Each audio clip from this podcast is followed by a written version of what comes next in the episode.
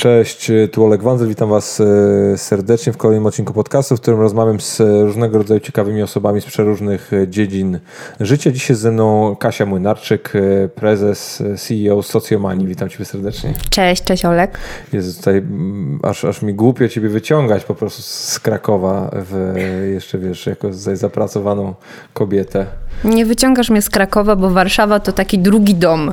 Niektórzy się obrażą w Krakowie teraz pewnie, jak to powiedziałam, ale, ale tak jest. Znaczy, e, Kasiu, e, bo tematów, o których możemy porozmawiać jest bardzo dużo, bo, bo, bo sama socjomania jest, jest no, tematem rzeka. Ty się też od, od paru dobrych lat zaczęłaś się specjalizować w kontekście design thinking i, i, i service design. Jest temat y, socjomanii handelka jako w ogóle biznesu y, i też jest temat digital marketingu jako takiego i tego, jak on się też, jak on się też zmienił, więc, więc w sumie mm, tych, tych nurtów, które możemy pójść jest sporo. E, chciałbym e, jednak zacząć od, od jednej takiej kwestii, która gdzieś dla mnie była, mm, bardzo mnie uderzyła, kiedy, kiedy zresztą my się tam poznaliśmy, bo, bo byłem u Was na, na szkoleniu właśnie z Service Design e, Thinking i muszę Ci oddać, że y, to szkolenie byłoby no, o dwie trzecie gorsze, gdyby nie sposób, w jaki ono zostało podane. się zastanawiam, jaki jest twój patent na to, żeby faktycznie ludzi uczyć, szkolić, bo zdaję sobie sprawę, że jedno to jest przekazać jakąś wiedzę, a drugie to jest przekazać ją skutecznie. Mhm. Wiesz co, no, te 7 lat ostatnie, przez które szkole, mm, dało mi mnóstwo doświadczeń i pokazało, że jakby szkolenie w ogóle samo w sobie jest pewnym doświadczeniem. Musisz je zaprojektować w odpowiedni sposób. Service design polega na projektowaniu usług, ale samo szkolenie też musi być zaprojektowane. Więc nie chodzi tylko o merytorykę, czyli podanie tej wiedzy, tak jak tutaj przyszedłeś po wiedzę, załóżmy z tego design thinking czy service design, ale chodzi o cały proces, który przechodzi uczestnik. Po pierwsze, my się śmiejemy, że dobre szkolenie zaczyna się od dobrej kawy, fajnej sali, dobrego gospodarza, e, dobrych, fajnych e, krzeseł e, czy pięknego stołu. Wiem, że to są gadżety, ale one są bardzo ważne, bo tak naprawdę one tworzą pewne, pewne całe doświadczenie. Spędzasz cały dzień albo kilka dni często w tej sali z tym trenerem. Sama merytoryka też i jej podanie jest uzależnione od tego, jakie ludzie mają oczekiwania i bardzo jest ważne w całym procesie, aby zbadać je wcześniej. Niektórzy przychodzą po inspirację, niektórzy przychodzą E, po właśnie gadżety, gadżety, czyli jakieś rzeczy, o których się nie dowiedzą z Google albo z jakichś innych miejsc, a niektórzy przychodzą po twardą wiedzę, po konkrety. E, więc trzeba tych uczestników wcześniej zbadać, przeanalizować ich potrzeby i tak naprawdę trener dopasowuje się do nich, do tych różnych oczekiwań. I to jest ważne. I nie, każdy, nie każda firma szkoleniowa, czy nie każdy trener od początku jest na to nastawiony, że nie ten przekaz, który chce kierować do ludzi, jest tylko i wyłącznie tym kluczem, ale całość wokół, wokół tego procesu, więc to jest po prostu doświadczenie, które trzeba zaprojektować.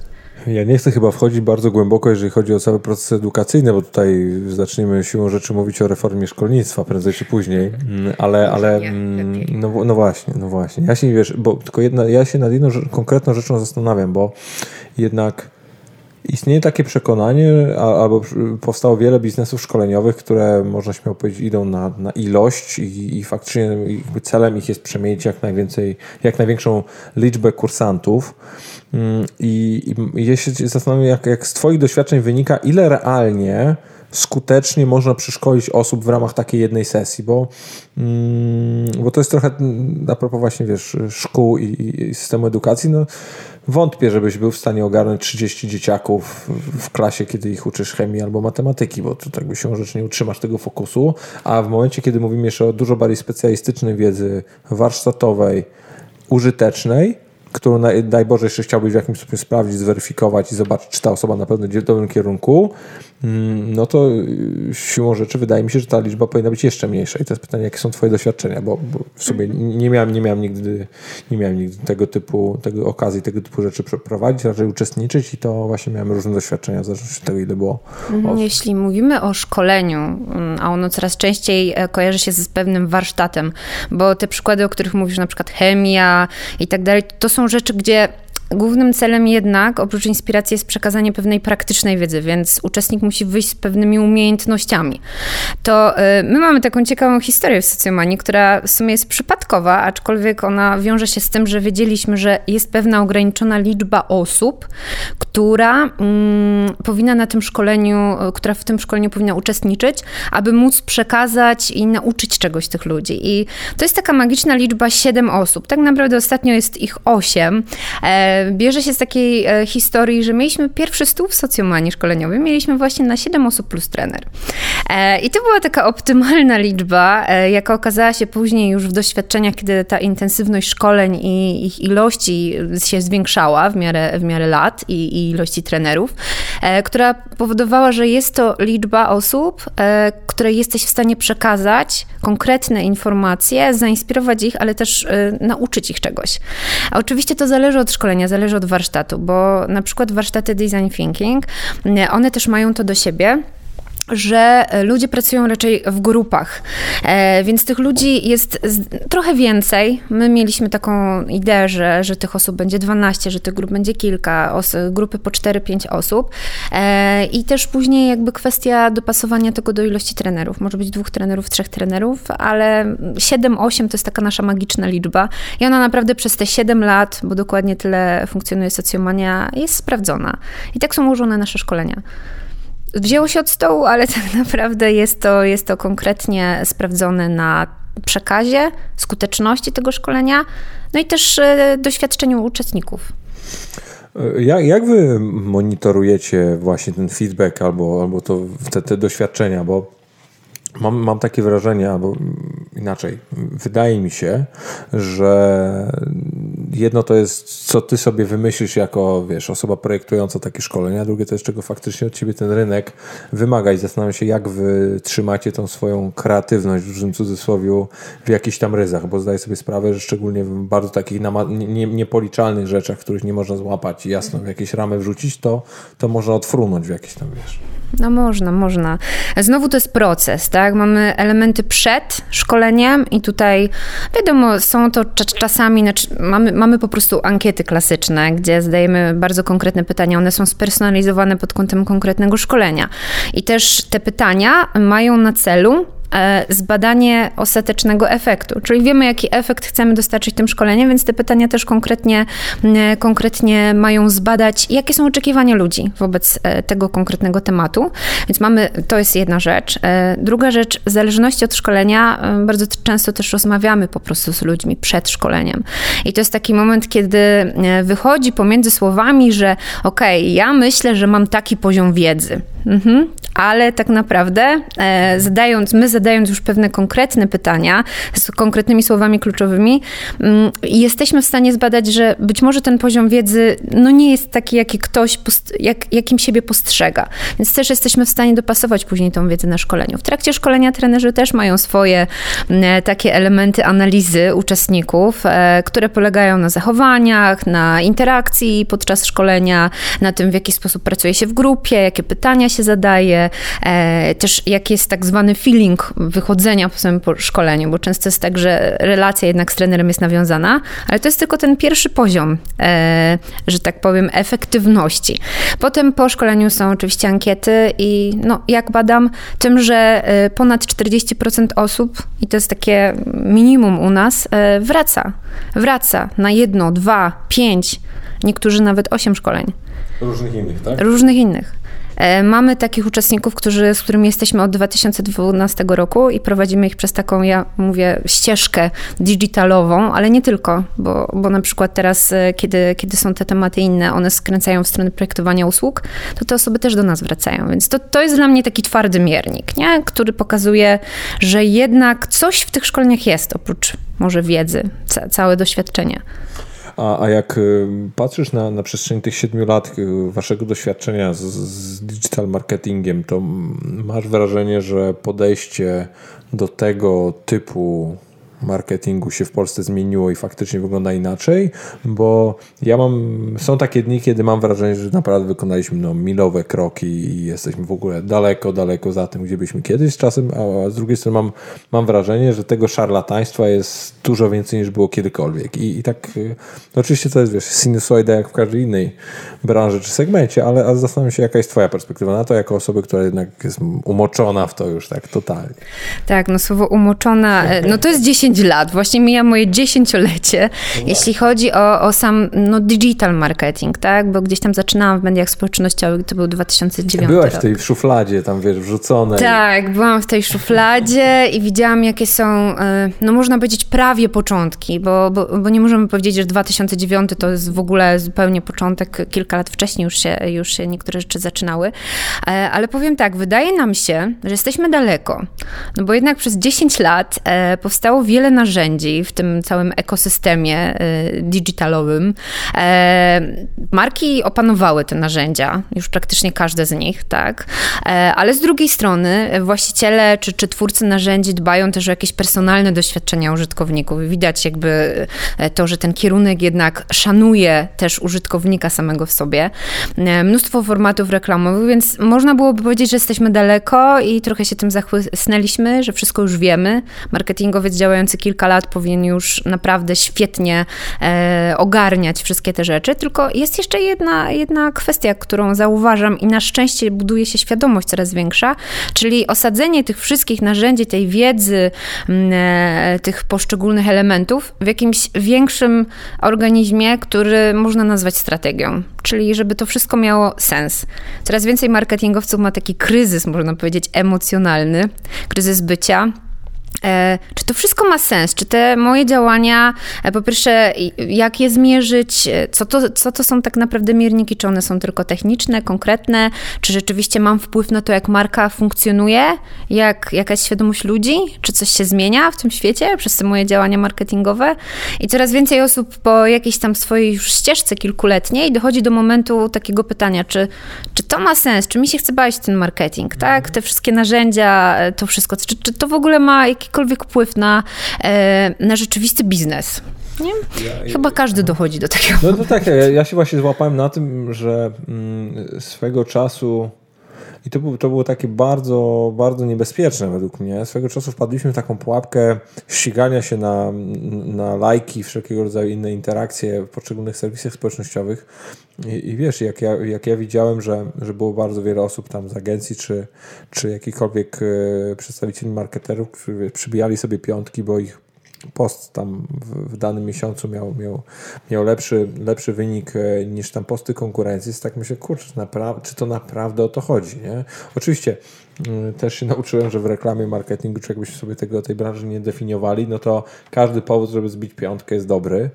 Mm, i nigdy nie ma zbyt y, błahego albo zbyt trywialnego, ale z drugiej strony tak się, łapiesz na tym, szczególnie zastanawiam się, tak wiem, że dryfuję trochę, w sensie zmienię temat za chwilę, ale zdaję sobie sprawę, że kiedy, no, wiesz, otworzyłaś swój biznes, y, czyli, czyli y, handelek, zaraz na pewno o tym opowiesz, bo to jest codename, taki bardzo ten mitycz, mityczny projekt, ale jestem w stanie sobie wyobrazić, no kiedy kiedy już fizycznie zaczęłaś coś sprzedawać, marketować do ludzi, no to nagle się liczy to, czy ktoś kupuje te, te rzeczy, czy nie kupuje i, i się łapiesz na tym. Jestem, właśnie, o, to jest, to jest to pytanie, którego szukałem.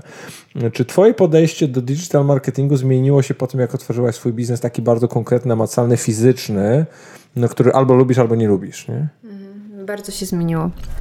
Znaczy, zawsze, zawsze gdzieś tam szukałam e, sensu. Wiem, że to brzmi tak górnolotnie, ale w pewnym momencie szukasz sensu w rzeczach, które robisz. Jak je robisz przez długi czas, to, to szukasz, szukasz sensu. Nie, nie skupiasz się tylko na szczegółach, na, e, na narzędziach. Ja jak zaczynałam, to, e, to przeszłam przez wszystkie możliwe narzędzia chyba digital marketingu.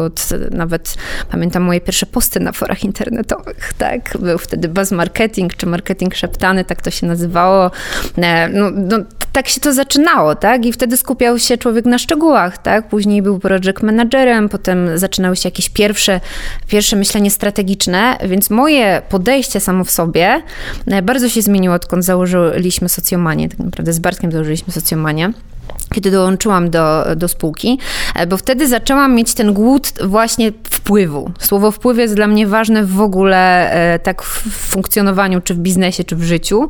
E, I wtedy zobaczyłam, że ten sam digital marketing, czy same narzędzia, same te powierzchowne rzeczy, o których powiedziałeś, ja słowo lajki w ogóle jak słyszę, to już tak mnie ciarki. Aż mi głupio mi Wiem, głupio ci było nawet je wypowiedzieć, nie? Jak, jak to słyszę, to gdzieś tam ciarki przeszą. Oczywiście to jest część tego całego funkcjonowania te, jakby digital marketingu, ale zaczęłam po prostu mieć taki, taką chęć wpływu i pojawiło się słowo strategia, a jak się pojawiło słowo strategia, to też jest kwestia tego, jak firma funkcjonuje. I e, dlatego e, socjomania zaczęła się rozwijać e, trochę też w innych terenach, tak?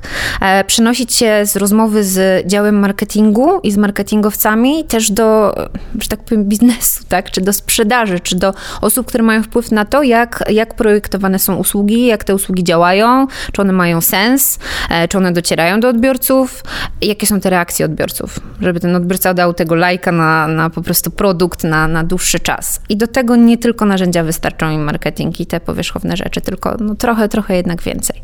No, mi się wydaje, że przede wszystkim trzeba zrobić ten krok wstecz i się zastanowić nad czymś, co my tak naprawdę chcemy zrobić, bo no, w ogóle y, z tego przynajmniej jak ja to zrozumiałem, oczywiście możesz mnie tutaj ex katedra poprawić za chwilkę, że, że, że nie słuchałem ze zrozumieniem, ale mam wrażenie, że cało, cały design thinking i a w szczególności serwis design opiera się właśnie na bardzo głębokim zrozumieniu niekoniecznie oczywistych aspektów wpływających na jakieś nasze decyzje i do dostosowania danej usługi czy, czy produktu właśnie do tej potrzeby, bo no, jest, wiesz, w marketingu to mówienie o potrzebach klientów to jest wiesz, już mityczne, tak? ale, ale naprawdę mam wrażenie, że, że gdy mamy dzisiaj dostęp do wszystkich tych narzędzi zarówno na poziomie danych, jak i internetu, jak i później poszczególnych formatów reklamowych, to naprawdę to w jaki sposób my mówimy i w jaki sposób my wyłapujemy tych użytkowników i jak jakby na nich patrzymy, to to się diametralnie zmieniło na przestrzeni czasu.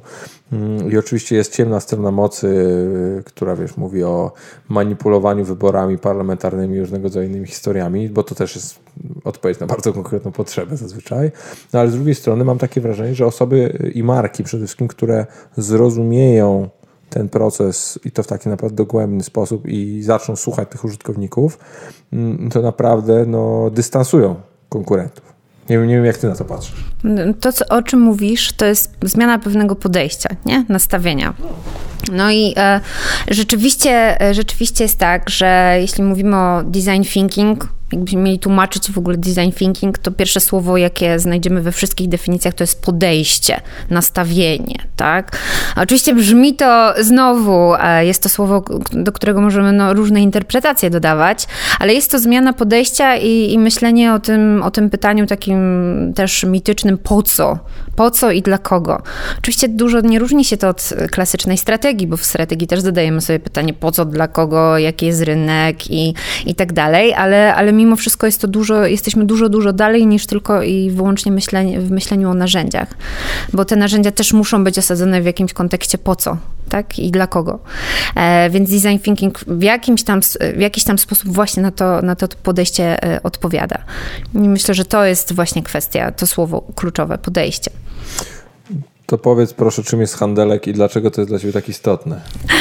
Tak. No to jest e, dla mnie najistotniejsze. Jestem, potwor, jestem, jestem ogromnym fanem, ogromnym fanem takich mm, stuprocentowo hobby biznesów, które nagle się przerodziły w ogóle w coś większego, ale coś faktycznie taki, wiesz, passion project. No i się nagle uczysz wszystkich tych, tych mechanizmów związanych z daną, z daną branżą, segmentem i nagle się łapiesz na tym, że w sumie to, to ten biznes, w którym funkcjonujesz na co dzień, to w ogóle jest nieciekawy.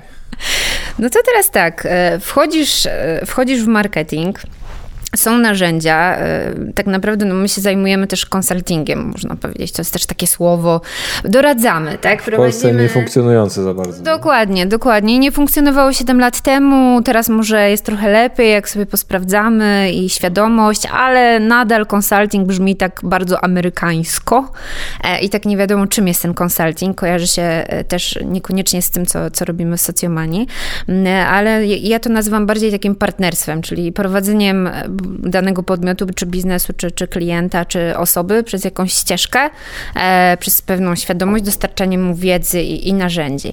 E, I teraz e, w pewnym momencie w socjomanii, po kilku latach, e, doszłam ja, ale nie tylko ja, kilka osób również, bo, bo trzeba przyznać tutaj, że to jest zespół kilku wspólników i, i, i większa część z nich jest właśnie z socjomanii, do takiego momentu, mm, o którym dzisiaj zresztą już wspominaliśmy, tak? że chcemy mieć wpływ, chcemy coś wytworzyć i nie tylko innym doradzać, jak to robić, ale sprawdzić to w takiej naprawdę czystej praktyce. Branża gastronomiczna, e, i tutaj można byłoby zacząć bardzo długi wywód na ten temat, e, no na pewno nie jest najłatwiejszą branżą. Część osób traktowała w ogóle wejście w handelek, który jest konceptem gastronomicznym, bo tak można go określić, jako taki eksperyment. Taki, a no tutaj Kasia i, i ekipa socjomani w ogóle zupełnie w taki niespodziewany sposób, zamiast zakładać jakiś startup, monetyzować w ogóle tą wiedzę, tworzyć jakieś narzędzia, produkt, tak? Nagle oni sprzedają kanapki. W ogóle o co chodzi? E, I rzeczywiście było to traktowane jako eksperyment. Dla mnie zupełnie nie jako eksperyment. Właśnie tak myślałem. Bo dla mnie to była pewna, wiesz co, pewna taka konsekwencja w działaniu i realizowaniu takiej, no znowu górnolotnie powiem, ale wizji siebie i e, w ogóle organizacji osadzonej w jakimś biznesie. To nieważne, czy to jest biznes y, marketingowy, konsultingowy, czy to jest gastronomia e, i chęć e, sprawdzenia w praktyce tego tworzenia, tak? Wytworzenia czegoś fizycznego. No kanapka jest czymś fizycznym, nie? To nie tylko jest kanapka, to jest cały lokal, to jest cały koncept, to są, to są inne dania, to jest stworzenie w ogóle całego, e, całej strategii wizji i wdrażanie tego od przejść z sanepidami do jakby stawiania lokalu.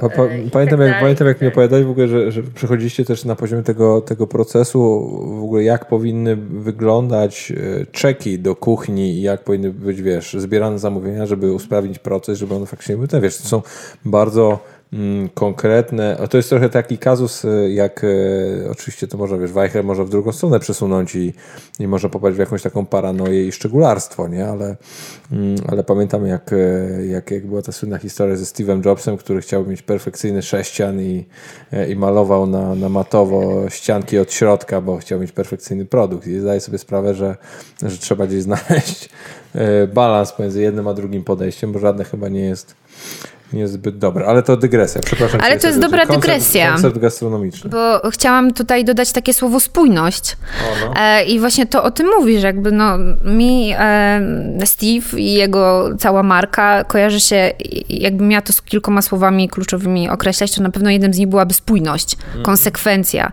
I to jest coś, co ja też chciałam e, wdrożyć, ale nie w koniecznie w naszej branży, tak, naszej, czyli w tej, której działam rzeczywiście 10 lat, tylko w innej. Akurat gastronomia też nie pojawiła się przez przypadek, ponieważ oczywiście można mówić o swoich pasjach, hobby i tak dalej. To jest coś, co mnie pasjonuje od wielu lat, tak fizycznie, technicznie, jeśli chodzi o tworzenie, e, ale to też jest bardzo twórcza branża. Zresztą widać, w którą stronę ona idzie. E, jest dużo tworzenia, dużo konceptualizacji w gastronomii i to jest tak, i to jest coś, co mnie na przykład fascynuje. E, no i możliwość sprawdzenia wszystkich chyba możliwych umiejętności i sprawdzenia się też w nowych warunkach, ale z tymi samymi wartościami. I to podkreślam jakby to, to ostatnie zdanie, tak? Czyli te same wartości przeniesione z socjomanii, czyli z pierwszego miejsca do drugiego, w zupełnie innej branży, z innymi ludźmi, z innym zespołem, e, w innych warunkach, i realiach. E, I to e, niektórzy nazywają tym eksperymentem, ja nazywam konsekwencją i pewnym spójnym działaniem.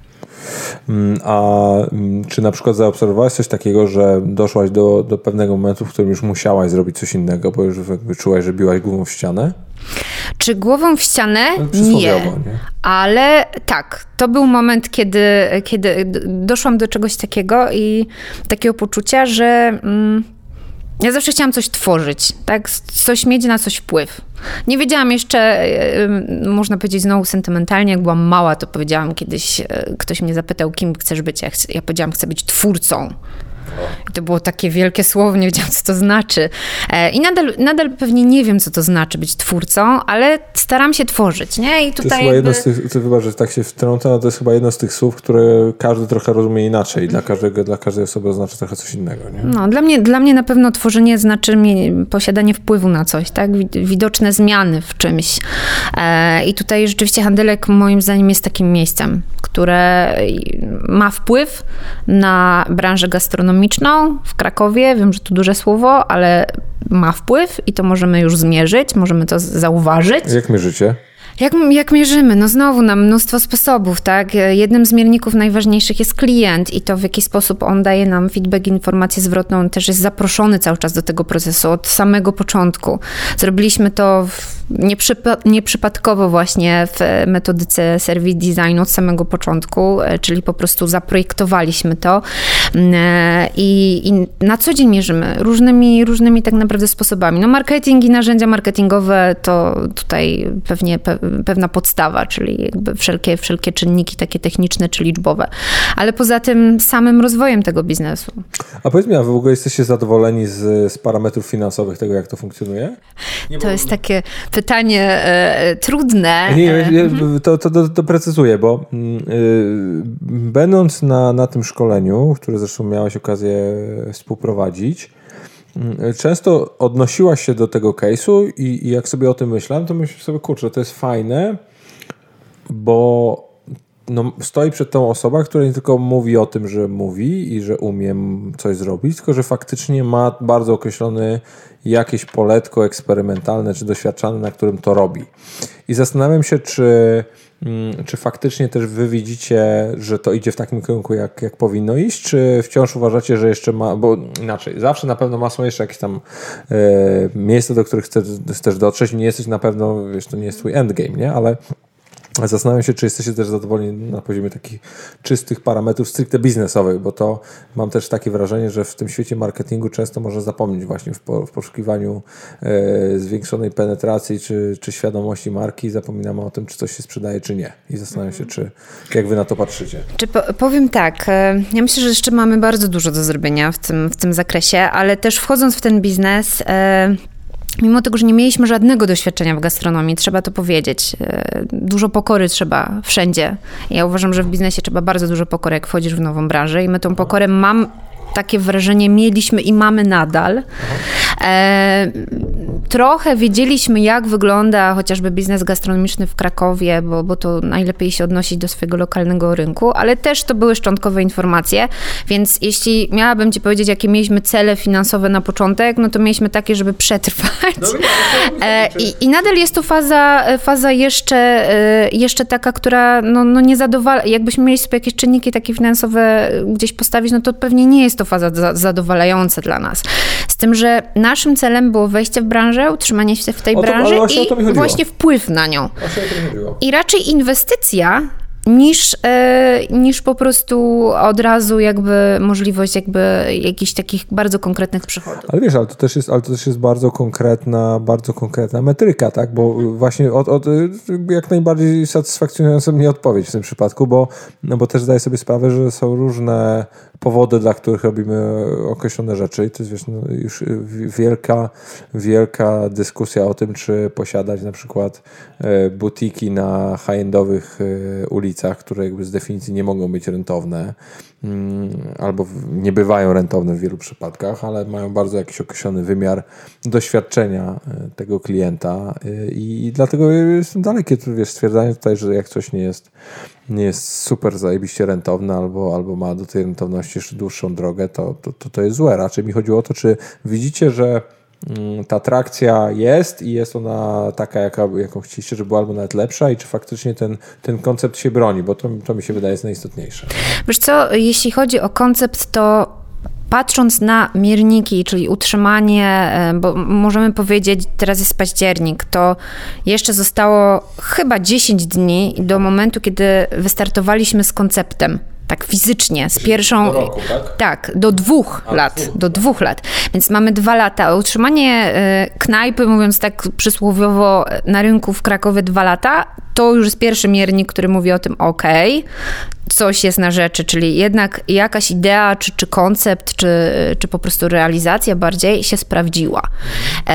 Kilka takich nagród związanych chociażby ze, ze śniadaniownią roku, wiesz, takie, takie małe gadżety, ale one też pokazują, że gdzieś tam na rynku, e, który już jest nasycony tego typu miejscami, niektóre już od wielu, wielu lat działają na tym rynku, jest sobie taki mały handelek założony przez marketingowców, którzy nic nie wiedzą o gastronomii, no bo to też jakby dostawaliśmy takie, takie opinie na początku i, i, ja się z nimi zgadzam, tak? Tak dokładnie wchodziliśmy, nie wiedząc nic o gastronomii, mając jakieś swoje doświadczenie jako, jako bycie, byciu klientami tych, tych miejsc.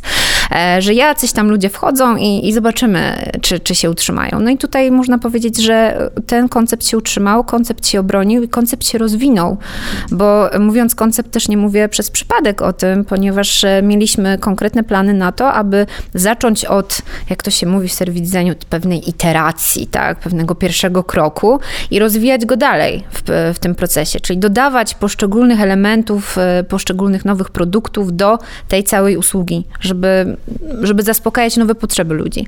I rzeczywiście tak się dzieje. No, z handelka śniadaniowego zrobiła się piekarnia y, z konceptem wino i deski, czyli jakby z możliwością też przyjścia do nas, co będziemy niedługo wprowadzać i, i napicia się fajnego wina i, i, desek różnych przekąsek lokalnych i nie, nie tylko lokalnych, czyli masz zaspokojenie potrzeb ludzi od godziny 6.30 do godziny 22.00. Od 6.30 do 6.30 tak, to może kiedyś jeszcze w przyszłości, nie? Ale, ale jest to pewna konsekwencja i, i wydaje mi się, że w dwa lata, e, no oczywiście też duża inwestycja, bo teraz jakby porozmawiać biznesowo, no to, to jest duża inwestycja i, i trochę szaleństwo, trzeba powiedzieć, i dużo ryzyka z naszej strony. Czy to się obroni e, na wiele lat? Nie wiem. Mhm. Obroniło się teraz przez dwa lata. Być może, być może poniesione ryzyko, różnie się to też może skończyć, to, to jestem pokorna i zachowawcza mhm. E, w ocenie sytuacji, e, ale już wiem, że cele, jakie, jakie mieliśmy, takie początkowo osiągnęliśmy. A, a jak ty się odnalazłaś w mm, robieniu rzeczy, a nie tylko mówieniu o robieniu rzeczy? Bo jednak doradztwo ma też to do siebie i to nie jest nic złego, bo, bo siłą czasem jest bezcenne utrzymać, otrzymać jakąś tam perspektywę z zewnątrz od kogoś, kto nie, nie, nie, nie, nie brudzi sobie rąk na co dzień w twojej branży, ale widzi tę branżę i jest w stanie ją ocenić. Ale zastanawiam się, jak, jak, jak te wiesz, suwaki i poszczególne pokrętła się u ciebie pozmieniały na przestrzeni tego, wiesz, przejść z doradzania do, do, do robienia samemu, bo wtedy wchodzą te wszystkie czynniki emocjonalne, bo ty chcesz bronić tego biznesu jak swojego dziecka i, i nagle, wiesz, mówisz, że teoretycznie patrz na coś z boku i to ma sens, po czym jesteś w środku tego i myślisz, kurde, to sobie pierdoli, nie? nie koniec, nie? Wiesz co, Zastanawiam się, czy miałeś coś mhm. takiego. Trochę mam tego w socjomanii, bo, bo de facto można powiedzieć, że no socjomania też jest biznesem, który tworzymy, ale, e, ale rzeczywiście e, znowu górnolotnie, bo ja jestem bardzo taka czasami, no ja, ja, ja w ogóle skończyłam, nie wiem czy wiesz, że skończyłam studia humanistyczne, typowo bo jestem po polonistyce i to jest, e, to jest kierunek Staro. edytorstwa, więc w ogóle starodruki, więc totalnie zupełnie inna bajka niż... No, tak, tak, robiłam kiedy kiedyś, teraz już nie. E, ale, ale dlatego dużo takich humanistycznych rzeczy, ale ja mm, gdzieś dostałam skrzydeł mm, w momencie, kiedy, kiedy weszłam w ogóle w całe też projektowanie usług, bo najpierw była wiedza o projektowaniu usług, Najpierw, e, najpierw była wiedza o service designie, o podejściu design thinking, o narzędziach, e, wybranie się na kursy, certyfikaty i tak dalej, studia, bo to trzeba też powiedzieć, bo jakby to bardzo Właśnie, bo Handelek, Handelek był projektem studiów. Stu, Handelek, jest, e, Handelek jest pracą MBA w Helsinkach na uniwersytecie właśnie, gdzie, gdzie kończę teraz tak naprawdę, zdałam tą pracę tydzień temu, więc trzeba trzymać kciuki za obronę. Trochę to trwało, ale właśnie jest opisany cały proces e, projektowania handelka od w ogóle pojawienia się idei, wejścia w tę branżę, przez cały proces e, taki bardzo już metodyczny e, i, i, i, opisanie narzędzi, jakimi to robiliśmy. Także też e, jeśli ona będzie opublikowana, to znaczy polecam, polecam po prostu zobaczyć z ciekawości chociażby. E, to e, ja dostałam skrzydeł, kiedy dowiedziałam się o serwis designie, a jak dostałam szansę na to, żeby na tych studiach zaprojektować realny biznes, bo takie są wymogi, że muszę pokazać tak naprawdę realne efekty, nie tylko proces i koncept, mm, to to już w ogóle. I, i, i czy ja się w tym odnalazłam? Na pewno się odnalazłam. Czy to jest wszystko, co bym chciała zrobić w, w życiu? Pewnie jeszcze nie. Ale już wiem, w którą stronę. I to jest ważne. A to, to, to w takim razie jakbyś, jakbyś na tym, na tym service design czy, czy design thinking się troszeczkę za, zaparkowali, bo dla mnie to jest fascynujące, że powstała metodologia, która nie, jeszcze nie, dość, że powstała, to jeszcze w jakimś stopniu działa, która faktycznie pozwala tobie od początku do końca, tak jak właśnie powiedziałeś, od tego impulsu przejść bardzo metodyczny proces, z którego wychodzi coś, co naprawdę w dużej mierze często bywa w, możliwe do wdrożenia. I jest fenomenalne pojęcie, jak tak sobie na to patrzysz. I, i pamiętam, że jak, jak wróciłem po tym szkoleniu do nas, do, do firmy, to rozmawiałem z, z naszymi wspólnikami, to, to im mówiłem, guys, to jest w ogóle fenomenalna historia, bo masz mm, jakieś określone części tego procesu, nie wszystkie muszą do ciebie pasować, ale nawet jakbyś miał wziąć jedną, no to ona ci potrafi po prostu wywrócić proces decyzyjny, bo jakby funkcjonujesz w, jakimś, w jakimś tam stopniu, mm, a nagle masz jedno pytanie, które powinieneś sobie postawić i, i które ci wywraca z butów. Nie wiem, nie wiem, jakie ty masz doświadczenia w kontekście te, te swoich wiesz, szkoleń, tego typu rzeczy, ale to, co mnie tak bardzo uderzyło w, tym, w ramach tego procesu, było to, że to faktycznie te postawione pytania są naprawdę dobre. I oczywiście zdaję sobie sprawę, że tam jest wiesz, dużo młodych ludzi nad tym się działo tak fundamentalnie, ale, mm, ale myślę, zastanawiam się, jak jak ty na to patrzysz z perspektywy tych wszystkich firm i, i, osób, które, które przeszkoliliście z tego i też twoich doświadczeń, jak to realnie, czy to realnie działa tak, jak to jest jakby jeden do jeden opakowane, czy jednak są tam, wiesz, jakieś takie iteracje. Mhm. Co najfajniejsze w tym jest to, że to nie działa jeden do jednego. I to jest chyba najlepsze w tym, że, e, że tego nie możemy też traktować dosłownie, ale to, co powiedziałeś, a powiedziałeś ważną rzecz, jest to pewien zbiór, jest to pewne podejście, jakiś filtr, przez który patrzymy, który w pewnych momentach dostarcza nam narzędzi, jakim jest na przykład zadanie konkretnego pytania, tak, e, bo pewnie chodzi ci na, chociażby o pytanie tak zwane how might we, to jest narzędzie w design thinking i, i też w serwis designu, to zaraz może jeszcze będzie przestrzeń do opowiedzenia o różnicach pomiędzy tym, żeby trochę uświadomić ludzi. E, ale jak moglibyśmy rozwiązać pewien problem, żeby dostarczyć i odpowiedzieć na potrzebę danego odbiorcy, ponieważ on ma taki a taki problem, nie? I to jest jedno z takich pytań e, e, takich fundamentalnych, które, tak jak mówisz, mogą wywrócić ten proces i spowodować, że mimo tego, że mieliśmy jakąś ideę, jakieś rozwiązanie, bo, bo człowiek jest taką istotą, która no, pier, pier, pierwsze co, jeśli chodzi o takie projekty biznesowe, to bardzo często przychodzi nam jakiś pomysł do głowy. Nie? I już chcemy, jesteśmy do tego pomysłu jakoś tam przyzwyczajeni i staramy się go rozwijać dalej.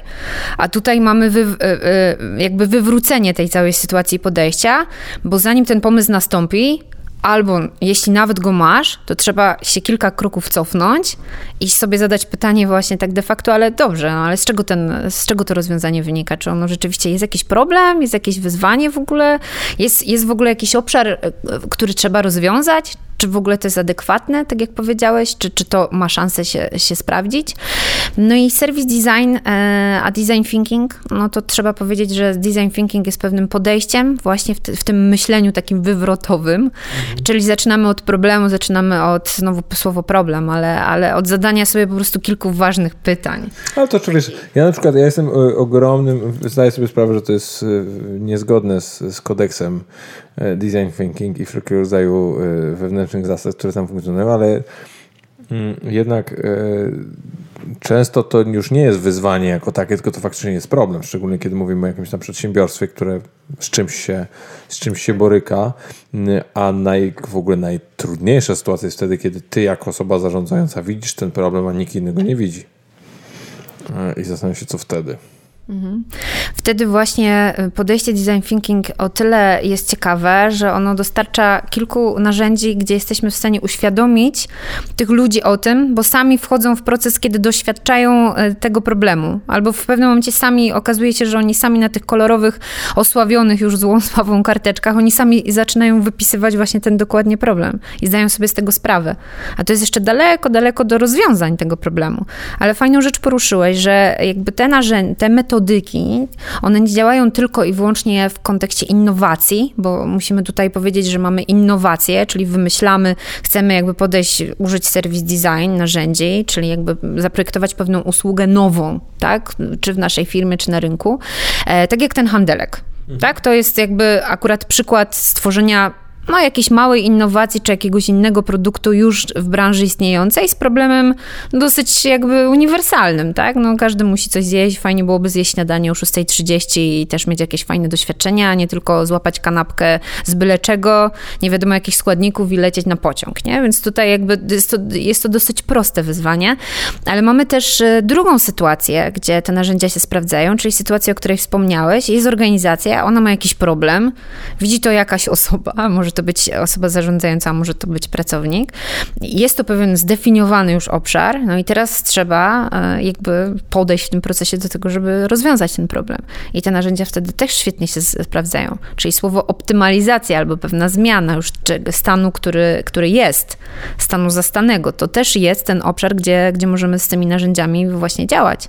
I to jest fajne, nie? Bo dużo osób jakby service design czy design thinking, jeśli sobie zbadamy, e, o co ludzie pytają w internecie i jakie konteksty tam e, występują, traktują to tylko i wyłącznie na tym poziomie, ok, innowacyjna firma, nowe usługi, jakiś nowy pomysł, nowa usługa w firmie, no to idziemy w te narzędzia, bo one dają pewien jakby poczucie takiego całego procesu. Ale nie tylko. Właśnie bardzo często sprawdza się to w, we wszelkich problemach e, związanych z biznesem, sprzedażą, działem HR, w ogóle zarządzaniem ludźmi i mm, wszelakimi elementami, które możemy sobie nazwać jako, jako elementy po prostu budowania organizacji, prowadzenia jej na co dzień.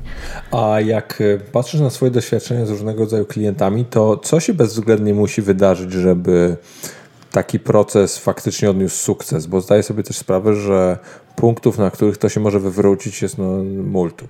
Mhm.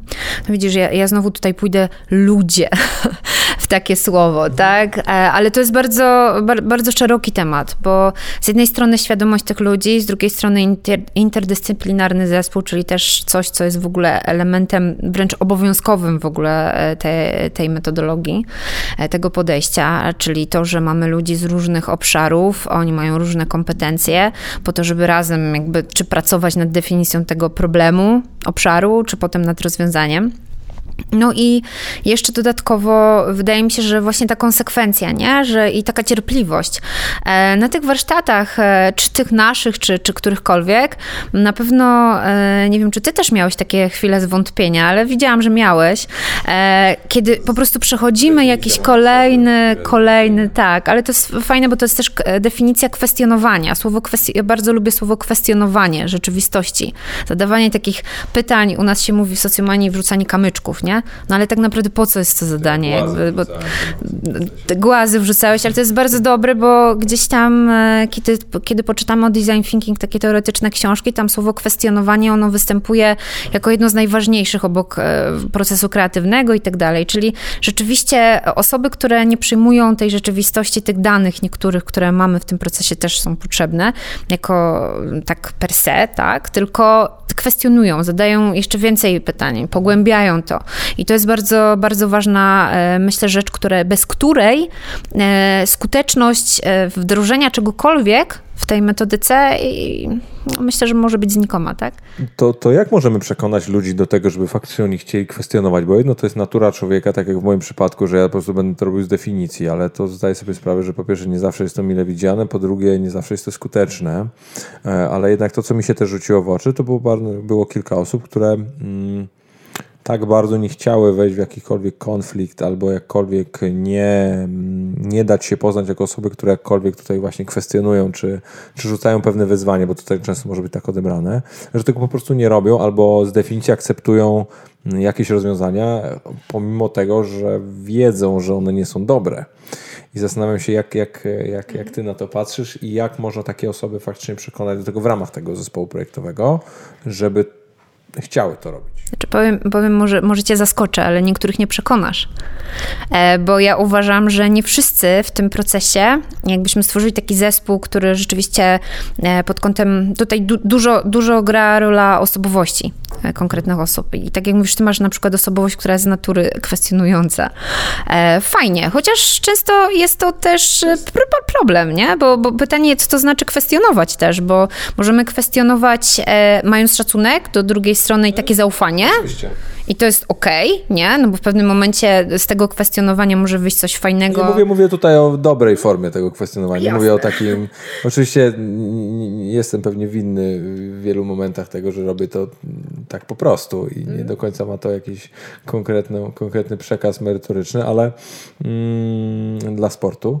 E, ale, ale jednak wierzmy, że jestem dobrym człowiekiem, który potrafi robić. nie kwestionowałam tego teraz. No tak wiesz. E, nie, nie, ale tak przy, bierzemy, bierzemy tutaj, wychodzimy z założenia, że robię to w sposób y, normalny, mhm. zgodnie z tym całym y, z tym całym zbiorem zasad tego, w jaki sposób się powinno to robić, różnego rodzaju mm, słuchania, niesłuchania tego typu historii, a, a, wciąż, a wciąż widzisz te osoby, które po prostu mm, nie powiem jest konformistyczne, ale to chyba jest coś tego typu. Coś, coś w tym stylu. Ale wiesz co, właśnie tutaj... Bardzo y, fajne jest to, że w całym tym procesie te narzędzia są ułożone w taki sposób i te fazy, bo znowu teraz jakbyśmy mieli wejść w teorię, to design thinking ma kilka tych faz, nazywają się one double diamond, można sobie wygooglować teraz i tam masz te momenty takie e, sprawdzania albo takiego momen- takie momenty, kiedy trzeba zastosować narzędzie, które właśnie da- zadaje ci konkretne pytanie. I co z tego, że ty nie jesteś z natury kwestionujący? To narzędzie poddaje ciebie temu kwestionowaniu i ty wchodzisz w ten tryb, bo musisz po prostu odpowiedzieć na te konkretne pytania. Musisz poszukać jeszcze danych, musisz to dopracować, bo to nie jest jeszcze koniec. I takie osoby wtedy nie czują się komfortowo w tej sytuacji, ale jeśli są w tym całym procesie, jeśli są w zespole, i tutaj jest ważny ten interdyscyplinarny zespół, że musimy tak dobrać tych ludzi, którzy pracują właśnie w takim procesie, żeby były zarówno osoby takie jak Olek, ja jestem taka pomiędzy, więc no, powiedzmy, ale uczę się kwestionować, o. E, I, e, I osoby, które są po, drugim, po drugiej stronie w ogóle bieguna, że tak powiem, na, na drugim biegunie zupełnie. E, I dobranie tych jednostek w taki sposób powoduje, że wytwarza się ten taki proces kreatywny, bo mamy osoby, które kwestionują częściej, mamy osoby, które są czasami zmuszone poprzez ten, tą strukturę tych narzędzi, że okej, okay, no to teraz muszę sobie zadać to pytanie. Nie chcę, chciałbym iść dalej na przykład, ale, ale muszę, tak? Bo taki jest proces. E, i, I wracając tak jeszcze dalej, dalej w przeszłość, jak, jak pytałeś o to jeden do jednego, właśnie tak jak powiedziałam, to jest w tym fajne, że masz pewien proces i są konkretne fazy i tych faz należałoby się trzymać w dochodzeniu na przykład do rozwiązania. Ale to, jak tam pomiędzy zastosujesz, jakie narzędzia dobierzesz, to myślę, że nawet na tym naszym szkoleniu było widać, że jest ich mnóstwo i można nimi sobie mm, szafować, że tak powiem, czy je wybierać, ale pewien tok myślowy fajnie byłoby utrzymać bo właśnie o to w tym chodzi, nie? Że każdy, każda metodologia, ona, ona jednak mimo wszystko zakłada pewne etapy. To, co jest w ogóle siłą tego całego procesu, jest to, że na, nakładasz pewne ramy na coś, co teoretycznie jest nie, mm, nieformatowalne. Bo, bo proces kreatywny jest czymś, tak. co jest teoretycznie powinno być raczej otwartym tematem. Mm, a, a powiedz mi, jak, jak w takiej sytuacji uniknąć zgniłych kompromisów? Bo bo to też mi się rzuca w oczy i to już nie mówię w kontekście tego szkolenia, ale ogólnie funkcjonowania różnego rodzaju firm, czy to mówię o naszej, czy o klientach, czy o kimkolwiek innym, jak rozmawiam z znajomymi różnego rodzaju, że często jest tak ogromna potrzeba, żeby wyjść z jakiegoś rodzaju konsensusem albo wspólnym, wypracowanym rozwiązaniem, albo czymś takim, e, że to jest idiotyczne. W sensie wychodzisz z czymś, co nie ma sensu. I po czym się zdaje sprawę, że to nie miało sensu, tylko co z tego, podajcie sobie rękę, było zajebiście i co z tego. No tak nie, wiesz, oczywiście to znowu wychodzi moja natura w tym trochę, bo to, mi, to jest, nie, ma, nie ma rzeczy, które mnie bardziej irytuje tak mhm. na poziomie funkcjonowania codziennego, ale, ale zastanawiam się, jak ty na to patrzysz i czy według ciebie da się tych, tych, tych, tych złych kompromisów uniknąć da się uniknąć, tylko trochę znowu przewrotnie ci powiem, bo ten proces polega na tym, że mm, tak jak już wspomniałeś to słowo iteracje, które też za, zaczyna być jakimś takim słowem, bas słowem, nie? Ale...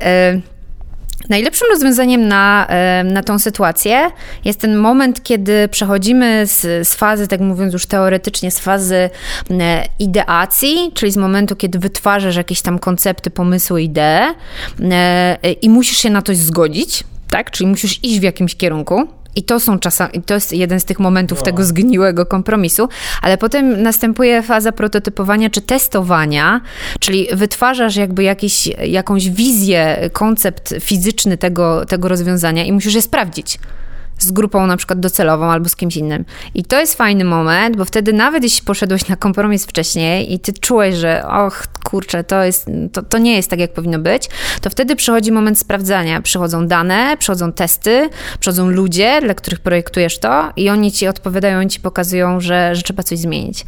I też to, co mi się podoba w tym procesie i też trzeba sobie zdać z tego sprawę, a to nie jest łatwe, to to, że on jest nieskończony tak naprawdę praca nad usługą jest nieskończona. Mhm. Więc jak tak podchodzimy też na przykład w handelku do, do, do, pracy, że masz tą kanapkę, ona jest standardem już pewnym, pewnego rodzaju, ale nie kończysz pracy nad nim, tak? Kiedyś był chleb od fajnych piekarzy tradycyjnych z Krakowa, teraz jest nasz chleb i ten chleb też jeden dzień jest taki, a drugi taki, więc cały czas trzeba nad tym pracować i testować to z ludźmi.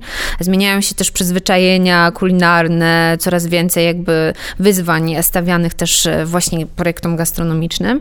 E, więc jeśli ty od początku podejdziesz do tego, że to jest proces nieskończony, to te kompromisy, one, one będą występować, ale i tak dojdziesz do momentu, kiedy musisz to przetestować. Dostajesz dane z rynku, dostajesz dane od ludzi, no i okazuje się, że dalej trzeba nad tym pracować. Trzeba się wrócić na przykład kilka kroków wstecz. Co się musi wydarzyć wewnątrz organizacji, żeby zaimplementować takie podejście, o którym ty teraz mówisz? Bo to jest w ogóle, jak, jak tak miałbym, wiesz, z tej rozmowy wynieść jedną rzecz, na pewno bym chciał powiedzieć właśnie, że ten proces jest ciągły, on się nigdy nie kończy, nie powinien się kończyć, bo twoim zadaniem jako dostawcy jakiegokolwiek rozwiązania czy produktu jest to, żeby on cały czas był faktycznie tym, czego rynek oczekuje, a rynek się zmienia, bo świat się zmienia, nie? I zastanawiam się, jak to zrobić, bo szczególnie w przypadku nie małej organizacji, tylko takiej już raczej bardziej doświadczonej, albo w ogóle schierarchizowanej czy konserwatywnej, bo wiem też, że mieliście do czynienia z takimi. Mm, jak, jak to sprzedać? Znowu może coś e, zaskoczycie, my sami jesteśmy tacy. W sensie my sami w socjomanii jesteśmy bardzo dużym wyzwaniem dla siebie samych, jeśli chodzi w ogóle o wdrożenie tego procesu. A to, jest w ogóle, wiesz, szef bez jest, butów chodzi, nie? To tak, jest klasyczna ale, historia. Ale właśnie powiem tak, że to jest bardzo trudne I mm, to, to znowu jest tak samo jak z tym procesem tworzenia produktu, to jest też proces ciągły i on e, też przechodzi pewne iteracje i te iteracje to, może, to mogą być nawet zmieniające się ludzie i tacy, którzy no, nie, nie chcą wejść w taki proces, tak? I oni, ciężko ich przekonać, bo mają już swoje jakieś założenia, e, czy metodyki pracy, narzędzia, które im się sprawdzały wielokrotnie.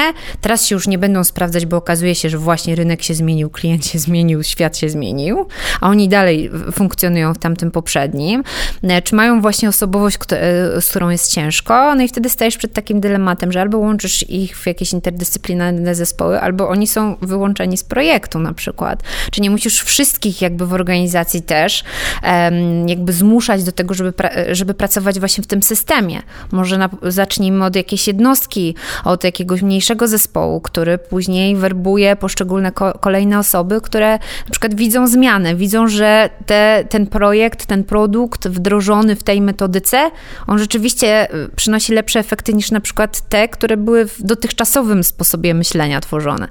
Y, I tak na przykład zaczynają działać organizacje y, tutaj w Polsce, których jest coraz więcej, gdzie serwis design zaczyna być już obszarem, działem w ogóle, coraz więcej stanowisk powstaje tego typu, czy, czy ofert pracy.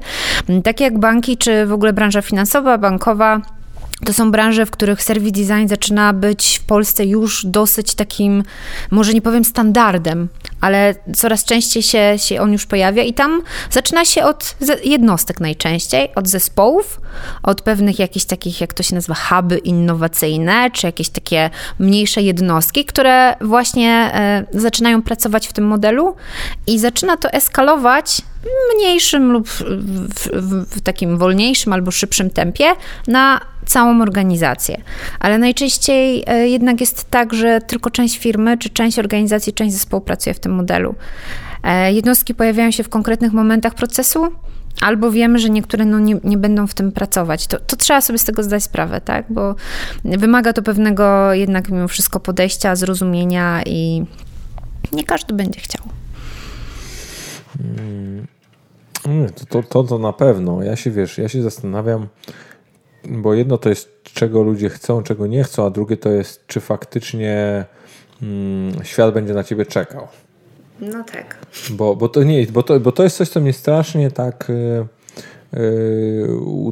to, to bije po oczach bardzo często, kiedy patrzę, no powiesz, po, po, nawet po, po branży marketingowej czy, czy reklamie, jakbyśmy sobie tego nie powiedzieli. Notabene przeraża mnie, jak często traktujemy marketing jako reklamę, jako interdyscyplinarne tematy. To jest w ogóle, to jest osobna, osobna rzecz. Mm, I, że, że jest coś, co robiliśmy przez ileś lat dokładnie tak samo i teraz, wiesz, wydamy pieniądze w tych samych mediach i, i super. W ogóle zero jest takiego sam, samo kwestion... Bo, bo właśnie, a propos kwestionowania. Mi się też wydaje, że osoby, które kwestionują i to tak dość, dość aktywnie, mają przecież też ta cecha nie jest wybiórcza i, traktowasz, i traktujesz ją tylko osoby zewnętrzne, tylko przede wszystkim sam siebie napieprzasz i to praktycznie cały czas. To jest tak, że nigdy nie, i to jest w ogóle taka dość, dość, trudna sytuacja, czy tam jakaś pułapka, w którą możesz wpaść, bo nigdy nie jest do końca dobrze. Wiesz, że to jest nieskończony proces, wiesz, że zawsze może być trochę inaczej. Mm, masz generalnie dość duży problem z docenieniem momentu, w którym się obecnie znajdujesz, bo już widzisz te wszystkie niedo, niedociągnięcia ja dalej. Chyba jestem podobna. No właśnie, no właśnie, no właśnie. No tak, nie wiesz, nie, ja, mi, mi się też to, ja się też na tym łapię, że bardzo prosto jest. Y, ja, ja ci powiem tak, ja się tak boję osiąść na laurach, że nie daję sobie w ogóle nawet momentu, żeby tak, wiesz, się otrząsnąć z tego wszystkiego, co się dzieje. Ale to bardzo dobrze, wspomniałeś kilka wątków, tak, że mark ale bardzo, jeszcze, jeszcze, jeszcze łapię. E, marketing jest takim obszarem, gdzie nie można sobie, mm, nawet już nie moim zdaniem, no widzę to po prostu z doświadczenia. Tam nie możesz sobie pozwolić na to, żeby nie mieć tego takiego krytycznego myślenia. W ogóle w języku angielskim e, i też e, tam, gdzie uczyłam się ostatnio, istnieje w ogóle taka kompetencja critical thinking. I to jest w ogóle totalnie jedna z jeden z najważniejszych elementów na przykład systemu edukacji w Finlandii. Critical thinking i koniec, ja, ja nie? Wrażenie, że to jest e, jeden z fundamentów edukacji wszędzie oprócz w Polsce, ale to jest... Może. Jakby tutaj jakby dyplomatycznie nic nie mówię, ale... E, znaczy, wiesz co, jakby ja się staram w tej edukacji trochę inaczej podchodzić e, i rzeczywiście wprowadzać, e, wprowadzać te elementy. E, mam wpływ na jakieś małe poletko może, ale wolę się na tym skupiać niż jakby oceniać całą rzeczywistość może, ale, ale wiesz, oczywiście mam porównanie, studiowałam w Polsce i za granicą, więc, więc wiem jak jest, ale to critical thinking, ja myślę, że w marketingu i w ogóle ten rozwój, dynamika te, tego obszaru, to jest tak, tak wszystko szybko dzieje się, że, że nie możesz być właśnie taką osobą, która która, mm, na którą świat poczeka. Też fajnie to powiedziałeś, nie? Mhm. No to, to świat nie czeka, on nie czeka na ciebie, jeśli chodzi o, o, właśnie obszar marketingu. Tak samo jeśli chodzi w ogóle o rozwój biznesu. Przecież e, to, w jakim tempie się rozwija, e, nie wiem, technologia, która też zaczyna wpływać na, na to, jak firmy funkcjonują. Słowo digitalizacja, które kilka lat temu było jakimś w ogóle nie wiadomo o co chodzi. Dzisiaj może dalej nie wiadomo o co chodzi, ale już e, widać, że ta, ta potrzeba wręcz jest konieczność zaczyna być, więc jakby to, to krytyczne myślenie, wychodzenie z pewnych schematów i próba chociaż przetestowania innych, innego podejścia, innego myślenia, którym na przykład jest to, o czym dzisiaj trochę rozmawiamy, to jest wręcz konieczność. Okej, okay, nie, nie pasuje do twojej branży, nie, nie na ten moment, nie z twoimi klientami, to może być w tym roku może być tak, a za rok to znowu będziesz musiał do tego wrócić.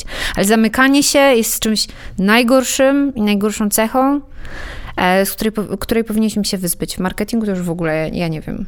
A, a, w, a w całym biznesie też, też to krytyczne myślenie powinno się pojawić. Wiesz, wiesz o czym sobie myślę teraz, tak jak e, i ciebie słucham i słucham i tak e, ten, ten handelek do mnie wraca cały czas. tak, tak sobie, czy, tak, czy jest miernik? Tak sobie myślę, słuchaj, że branża marketingowa i ogólnie, no bo inaczej, przepraszam, marketingowcy są jedyne osoby faktycznie, które mogą wziąć biznes tak potwornie tradycyjny i jarać się nim jak dziecko, które dostało nową zabawkę. To jest jedyna branża, jest jedyny typ ludzi, którzy mogą coś takiego zrobić. I to jest strasznie dużo, jest strasznie dużo historii takich osób, które na przykład pracowały w topowych agencjach w Londynie czy w Nowym Jorku i na przykład wracały do swojego miejsca tam zamieszkania czy urodzenia, nie były z Brazylii, z, z Australii, z Niemiec, skądkolwiek i tam robił właśnie jakiś taki mega tradycyjny, konsumencki biznes w oparciu z trudniem. Tworzyli browar rzemieślniczy albo właśnie zakładali koncept gastronomiczny albo coś tego typu. I sobie tak myślę, że to jest, to jest taki mm, no, złoty, święty, wszędzie złoty, święty gral, mm, święty gral każdej osoby, która pracuje w tym marketingu, bo to jest, wiesz, to jest y, odrzucenie tego zniszczonego świata, e, zaaplikowanie swojej wiedzy jakiejś praktycznej jeszcze kontakt z tym klientem, którego ty tak naprawdę przez całą swoją karierę potwornie potrzebujesz, bo ty czytasz te raporty, chodzisz na te fokusy, słuchasz tych ludzi, po czym łapiesz się na tym, że finalnie ty jesteś tym konsumentem, robisz to kompletnie inaczej i sobie zdajesz sprawę, że to może nie działać, a potem nagle masz coś, co działa i tak jest tak, jest, a. Ja sobie o tym myślę, to może być fajne.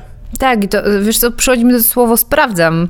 No właśnie. E, właśnie do głowy cały czas. Wiesz, jak mówisz sprawdzam, sprawdzam, no marketingowiec ma coś takiego, że, że on sprawdza, nie?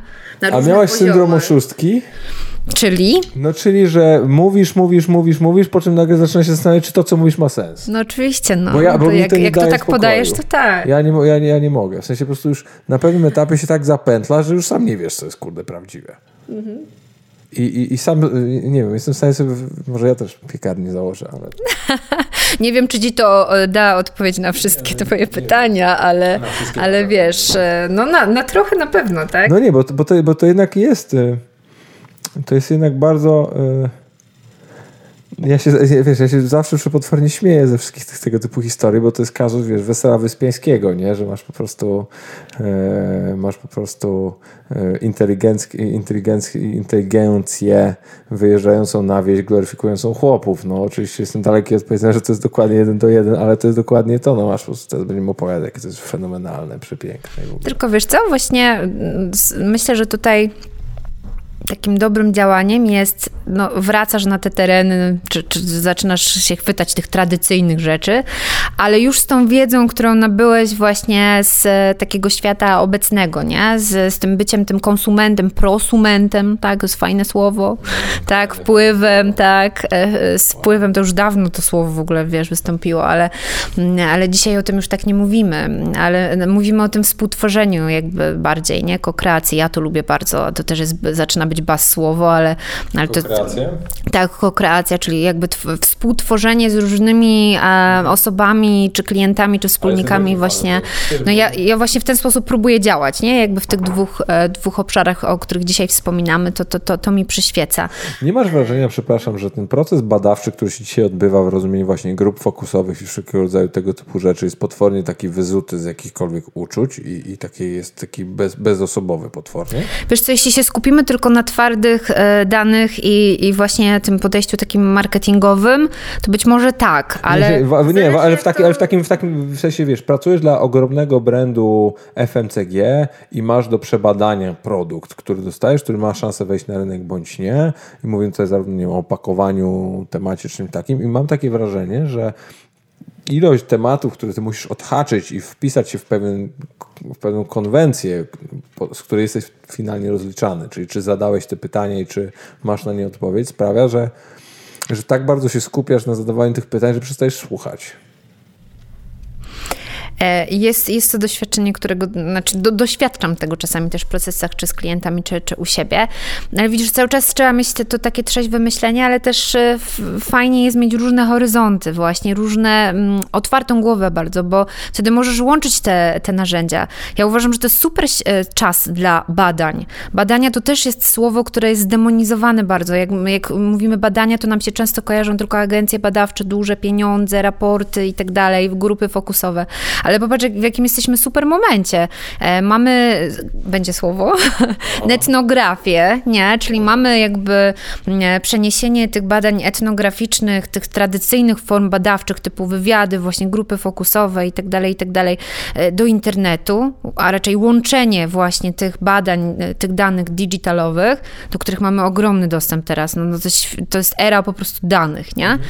I możemy je łączyć z tymi tradycyjnymi formami, które są bardzo ludzkie. Nie? No bo tutaj jakby to, co dzisiaj robimy, rozmawiamy, mamy pewnego rodzaju cudzysłów wywiad, możemy określić potem pewnie personę Katarzyny w jakiś sposób po tym dzisiejszym wywiadzie, nie? Czyli osobowość, nie wiem, tam można byłoby spisać trochę takich elementów. E, więc mamy, e, mamy tak, no to pewnie nie będzie wszystko, ale, ale wiesz, coś, coś tam można wyczytać pewnie z, dzisiejszego, z dzisiejszej naszej rozmowy na, na mój czy twój temat. E, ale łączenie właśnie tych dwóch, czy tradycyjnych badań, badań e, i jeszcze do tego danych, no to, to, to jest w ogóle fajny moment. Ja osobiście, można powiedzieć dosłownie, jaram się nie? Tym, tym elementem. W ogóle w tym procesie gdzieś mój ulubiony etap to jest właśnie to zadawanie tych pytań, badania, łączenie danych typowych, twardych, digitalowych, gdzie mamy ich mnóstwo teraz, właśnie przez to, jak się rozwija marketing i, i serwisy społecznościowe chociażby. To jest świetny moment i to jest to takie moje, taka refleksja z tych 10 lat, gdzie jesteśmy. Jesteśmy w momencie, kiedy mamy ogromny potencjał, jeśli chodzi o dane, ale do tego dokładanie tych ludzkich e, kwestii, tych ludzkich e, tradycyjnych metod i takie słowo znowu, bas słowo empatia, ale ja je bardzo lubię i uważam, że to jest cecha, którą musimy wszyscy mieć to ze sobą połączone daje naprawdę bardzo fajne e, podstawy do tego, żeby tworzyć usługi i żeby tworzyć je właśnie w oparciu o to, co może się sprawdzić. No bo to chodzi o ludzi, nie? Hmm.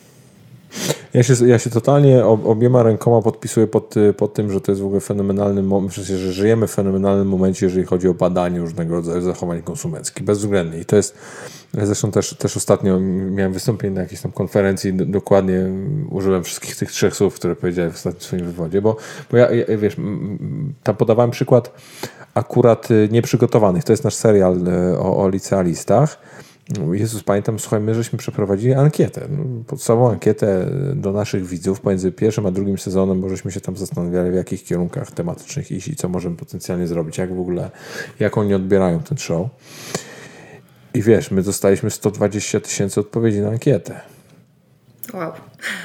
Wiesz, i to w sensie my jeszcze się śmiałem ostatnio z, z, z, u nas z osobami z zespołu, że, że, że mieliśmy pełne zrzucenie tego weksela wtedy, ale weź usiądź na tym i się na tym zastanów, przeanalizuj to, bo, bo to faktycznie mm, bo to faktycznie jest jakaś po prostu niesamowita ilość informacji, a jeszcze, a jeszcze to są to, to ankieta miała, nie wiem, z 40 kilka pytań, nie? To w ogóle. Ja jestem ciekawa, czy tam były jakieś wcześniej, wiesz, postawione hipotezy, czy jakieś obszary danych, które chcieliście zbadać e, i dopiero potem jest ankieta i, i, wiesz, jesteś to w stanie przenieść, nie? W sensie wiesz porównać. Co? Bo to jest istotne, bo 120 tysięcy, to można się skupić w tych danych. Znaczy plus jest taki, że mieć bardzo określone pytania, które mówiły ci o plocie i o scenariuszu, więc to jakby jeden z nich. Czyli pytania były po prostu środkiem do w jakimś stopniu stopniu, nie? Albo do, do znalezienia też konsensusu, bo jednak znowu wracamy do tego, że gdy mówimy o procesie kreatywnym, tutaj co jest, ile ludzi, to zdania i czasami trzeba po prostu bezwzględnie wziąć i powiedzieć taka jest decyzja, kropka, nie? Mm, ale, ale, było, ale było, było kilka rzeczy i, i pamiętam, że, że też powstał film w ogóle potem później, który jakby zmieścił kilka tygodni. Bardzo, bardzo ciekawy temat, ale, mm, ale właśnie to też mi pokazało, że wiesz, nie trzeba już dzisiaj podejmować decyzji na bazie tam próby, próby badawczej tysiąc osób, no. Mhm. No to w sensie to mnie, to mnie doprowadza do szału. Poz pozytywnego. Znaczy, w, znaczy, w sensie tysiąc osób? Znaczy nie, właśnie, że nie tysiąc. No właśnie, że nie tysiąc, nie, że tak. tysiąc osób mnie doprowadza do szału mhm. negatywnego, kiedy Jasne. to widzę i ktoś mówi, że choć podejmijmy pięciomiliardową decyzję na podstawie Y, wiesz, mhm. reprezentatywnej grupy. Okej, okay, pięciomiliardową nie, ale powiem Ci, że mm, właśnie w procesie, o którym dzisiaj mówimy, to takie częste sprawdzam, nawet na podstawie, y, bo czasami nie masz aż... O, ale to jest, ale, ale wiesz, ale to jest fundamentalnie inna kwestia. Czasami tak. te trzy osoby Ci wystarczą, żeby się jakby zderzyć jakiś pomysł, tak? I mówimy, to wiesz, jak, jak na przykład mm, sprzedajesz kanapki znowu przysłowiowe, no to jesteś w stanie bez żadnego problemu to zderzyć. Jest, tak, jest, no nie miałam 120 tysięcy no, odpowiedzi na ankietę, ale trochę tam ich było. No nie? właśnie, nie? Ale mi raczej chodzi o to, bo, bo na przykład mm, podejmujemy decyzję odnośnie właśnie strategii produktowej w ogromnym koncernie, który przeprowadza badania na temat opakowania albo na temat nowego produktu, którym jest, nie wiem, nowy napój sok, cokolwiek. I mamy, wiesz, i mam bardzo, naprawdę małą grupę w stosunku do potencjału konsumenckiego. Mówimy o, nie wiem, 40 milionach ludzi w Polsce. I to zestawienie jest dla mnie przerażające i tutaj pozdrawiam dla wszystkich osób, które wypunktowują mnie, że nadużywam słowa przerażające albo fatalne, albo jakiekolwiek inne mm, tego, typu, tego typu sformułowania, ale to, to akurat naprawdę jest dla mnie niezrozumiałe. Mhm. I może jestem niedoświadczony i młody, ale, ale nie, nie. Nie, znaczy to, co mówisz, jakby widzisz świat, jaki teraz jest, jaki jest potencjał danych i możliwości, no, a tu widzisz znowu z drugiej strony to, o czym mówimy, że zatrzymujemy się w jakiejś erze, która już była dawno temu, mimo tego, że mamy już narzędzia i one są czasami naprawdę dostępne, e, już mówiąc jakby nawet o kwestii budżetu na to. Jakby kiedyś to budżety ogromne na badania, tak? Dzisiaj, owszem, czas jest też zasobem i budżetem jakimś, który mamy, ale naprawdę kilkanaście osób, które mogłyby fajnie dobrać te narzędzia i użyć chociażby tych etnograficznych metod i tu masz o wiele więcej danych i możesz naprawdę tą próbę sobie zwiększyć, no to to leży przed nami, nie? A nie, nie bierzemy tego często. Trzeba, trzeba tutaj podkreślić, bo sam już w sumie nie wiem na jakim etapie jesteśmy, ale e, że, że internet to nie jest wymysł ludzki, on faktycznie istnieje i tam jest bardzo dużo ludzi, którzy potencjalnie mogą ci dać bardzo bardzo wiele ciekawych informacji. no nie, w sensie, bo, bo wiesz, wspomniałeś o tej digitalizacji.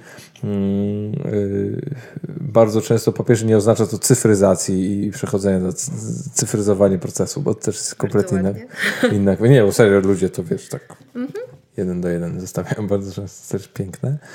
Mm, ale, ale no już przy, przy, no, no, oczywiście w bardzo dużej liczbie osoby już są tego świadome i wiedzą, że tam faktycznie to, ten internet to nie jest taka jakiś tam wymysł. Ale naprawdę, kurczę ludzie, no to jest, wiesz, na przykład dysku, my bardzo często dyskutujemy na temat tego, czy ludzie będą oglądać ten YouTube i czy to w ogóle ma sens, czy, czy, czy, czy, czy nie i jakoś to jak ktoś ma do tej telewizji. I tak myślę, kurde, już pomijam dane globalne, bo to jest, wiesz, monstrualne Indie, te, tego typu historie, ale mamy Polskę. W Polsce na YouTubie jest 20, pomiędzy 21 a 23 miliony użytkowników. Gdy nałożymy sobie to na liczbę internautów, których jest 28 milionów, czy tam 29, to mówimy pomiędzy 70 a 80% polskiego internetu konsumuje YouTube'a co najmniej raz w miesiącu. Fuck. No, Come on. Też jak popatrzymy sobie znowu na przekrój demograficzny, to też jesteśmy zaskoczeni, że nagle się pojawiają jednostki na przykład po czterdziestce, które konsumują tak, YouTube'a. No, no, nie takie jednostki nie, chyba, nie? nie no, ty, ty dobrze kilka wiesz. procent, nie, kilka procent, mm, ale też, ale też, ale też yy, naprawdę mnie to po, po twoim zastanawia, do jakiego poziomu, wiesz, yy, w sensie kiedy faktycznie się, wiesz, wydarzy ten moment, w którym sobie myśleli, no dobra, no to ten digital to jednak nie jest jakiś tam właśnie wiesz, wymysł. I nie, nie, nie siedzi to w tej szufladzie. Tylko to jest rzeczywistość już, nie? No właśnie, bo, bo zobacz. Bo, bo, bo mamy ileś, alterna ileś, no nie alternatywnych, to nie jest dobre słowo, ale mamy i, i kilka przestrzeni rzeczywistości, nie? I to jest jedna z nich, to już nie jest dodatek, nie? Czyli ta digitalizacja, o której wspominasz, kiedyś traktowana jako, a, taka wrzutka, tak? Właśnie bardziej ucyfrowienie. Dokładnie ta różnica tutaj się teraz zaznacza mocno, nie? Cyfryzacja, a digitalizacja. Digitalizacja to jest też zmiana zachowań, to jest zmiana w ogóle całego procesu, czy, czy czegoś w firmie przestrzeni całej, a ucyfrowienie mamy jakiś produkt jeden, czy, czy nie wiem, przeniesienie danych z papierów, z, z załóżmy z jakichś segregatorów do nagle do, do, do chmury, tak, dokładnie, więc e, to jest, to jest ten przeskok taki, nie? Że, że to już jest pewna rzeczywistość, którą powinniśmy przyjąć, ale oczywiście ona się też cały czas zmienia. Wrócę, wrócę do tego pierwszego, e, do tego pierwszego, w sumie pierwszej części naszej rozmowy, a też pierwszego pytania, tego takiego większego. Czy ty uważasz, że ten, ten digital marketing w Polsce i też y, w kontekście tej całej naszej rozmowy zostaliśmy wyciągnięci z tej szuflady i mm. położeni na tym stole? Bo ja mam cały czas wrażenie, że jesteśmy w tej szufladzie i tak się kisimy w tej szufladzie, tam wymyślamy sobie coraz nowsze słowa, a jednak biznes robi kto inny.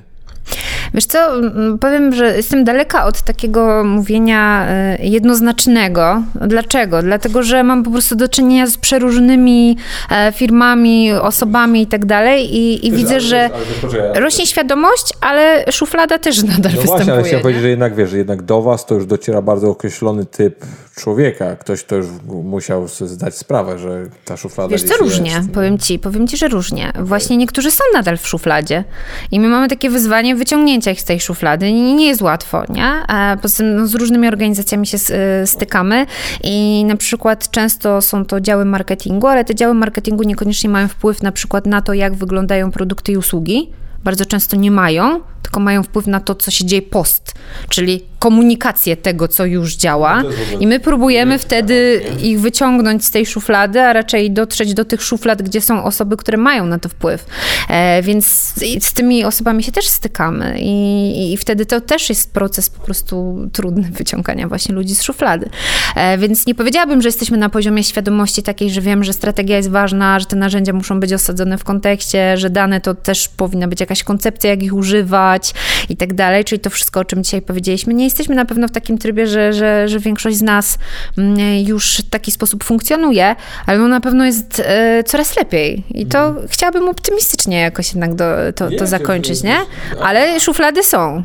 No właśnie, bo, bo mnie, mnie bardzo uderzyło, kiedy się też troszeczkę głębiej w, w, te, w to nasze piekiełko zaangażowałem, że to jest, jest, jest strasznie dużo różnych bodźców, strasznie dużo osób, które bardzo tutaj stawiają różnego rodzaju śmiałe tezy i mówią o różnych historiach, po czym to jest, wiesz, to jest takie, no faktycznie jakoś, to są, wiesz, te mrówki, które walą przez ten megafon, nikt nie słyszy i to, to faktycznie mówię, ktoś, jest ten świat obok, ktoś gdzieś tam sobie funkcjonuje i jest ten digital. Mówię w Polsce, tak, bo to, bo to wiesz, jednak e, w Stanach mówimy o, wygląda już to diametralnie inaczej, jeżeli chodzi o wydatki mediowe i wszystkie te procesy, nie? To właśnie, właśnie te zasoby, które mają.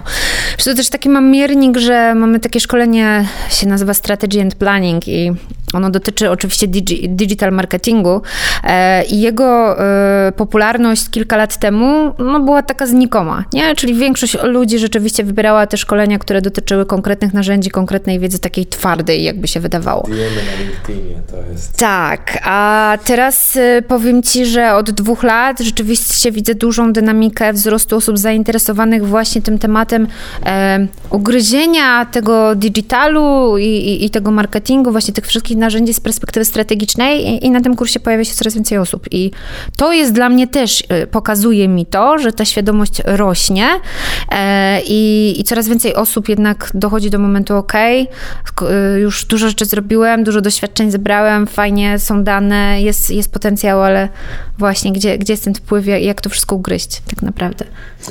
Kasiu, to powiedz mi, co, co, ty chcesz, co ty chcesz jeszcze w życiu zrobić? Co ciebie interesuje? Jaki masz taki właśnie, jaki jest twój następny handelek?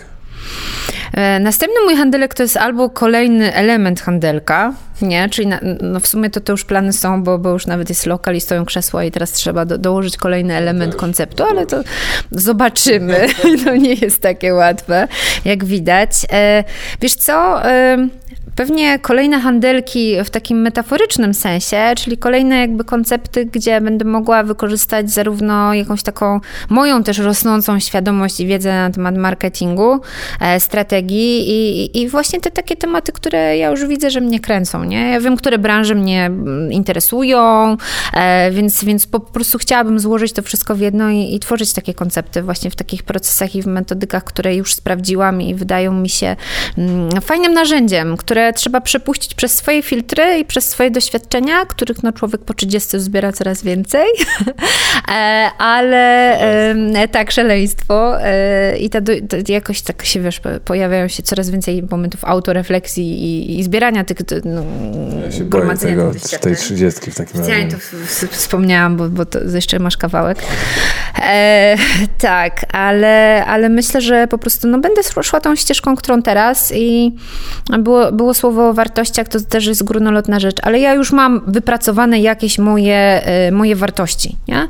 I to już jest kolejna rzecz, czy kolejny projekt, w którym ja te same wartości, ja, ja, ja po prostu je wnoszę tam, ja je sprawdzam i, i, sprawdzam, w jaki sposób one działają. I to jest fajne, że, że jestem w miejscu, kiedy mam te wartości i pewnie będę je dalej sobie e, aplikowała w kolejnych obszarach. I to jest to, co będę robić. No i na pewno idę na kolejne studia i tak dalej, bo lubię się uczyć. Tak? No, to taki żart, ale, ale w sumie tak jest, nie? nie? nie tak żart. jest, nie żart. Nie żart.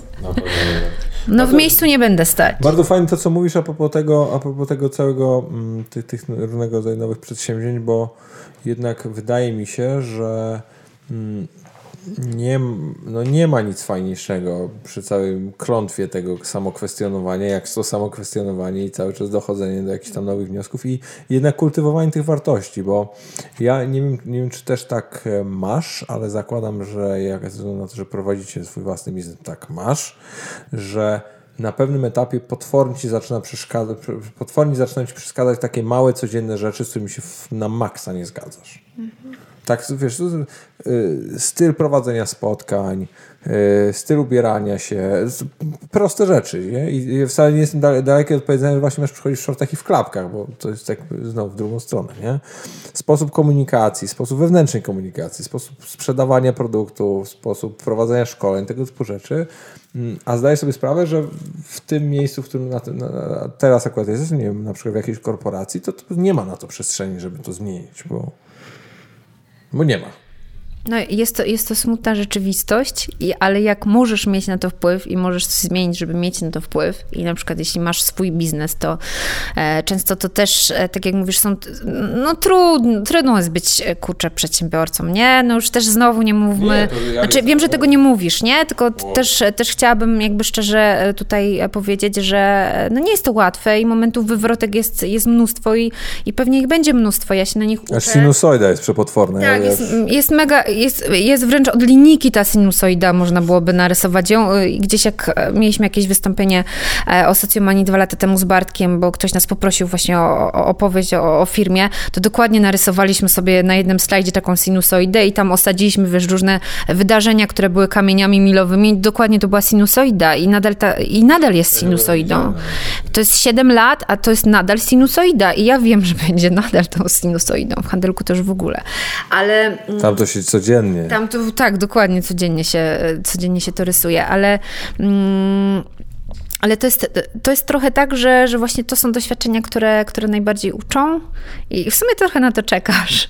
To jest, to jest niefajne, ale jak jesteś na tej górce, to ty wiesz, że zaraz będzie ten dół i, i no się Nie powiem, że na to czekasz, ale ty tak, wiesz, że to Wiesz, że to będzie zaraz, i, nie? I, no. i, I, trochę jest tak, że, że, że już gdzieś tam jest taka antycypacja tego, że, że, że tak będzie. Ja nie wiem, czy ja czasami się zastanawiam, czy to nie jest samo spełniająca się przepowiednia po prostu, że wiesz, że już tak się bardzo na to nastawia, że to wiesz. Ale jak masz wpływ właśnie, bo o, o, tym mówiliśmy i możesz, możesz coś zmienić, to oczywiście to też nie będzie łatwy proces, ale e, najpierw trzeba właśnie sobie to zdefiniować, jak chcesz, żeby było, nie? Czyli w sumie jakie tu masz te, bo, bo dochodzisz do pewnego momentu te wartości, nie? Jakie są te wartości, czyli czy to jest, nie wiem, że, że w firmie, tak jak u nas mamy to współtworzenie, nie wiem, przedsiębiorczość też jest naszą wartością, czyli w ogóle bycia świadomym, jeśli chodzi o to. To nie chodzi tylko o to, żeby prezes czy, czy wiceprezes był świadomy, jak firma funkcjonuje na, na rynku, ale też e, jak, jakie są finanse w firmie i od czego one zależą, ale żeby, żeby cały zespół miał, miał na to wpływ, nie? Czy, czy, czy żeby to było transparentne, transparencja jako wa wartość. Więc w momencie, kiedy już widzisz, co ci przeszkadza, to jest fajny, fajny czas na to, żeby zdefiniować to, co właśnie ci nie przeszkadza, czy jak byś chciał działać.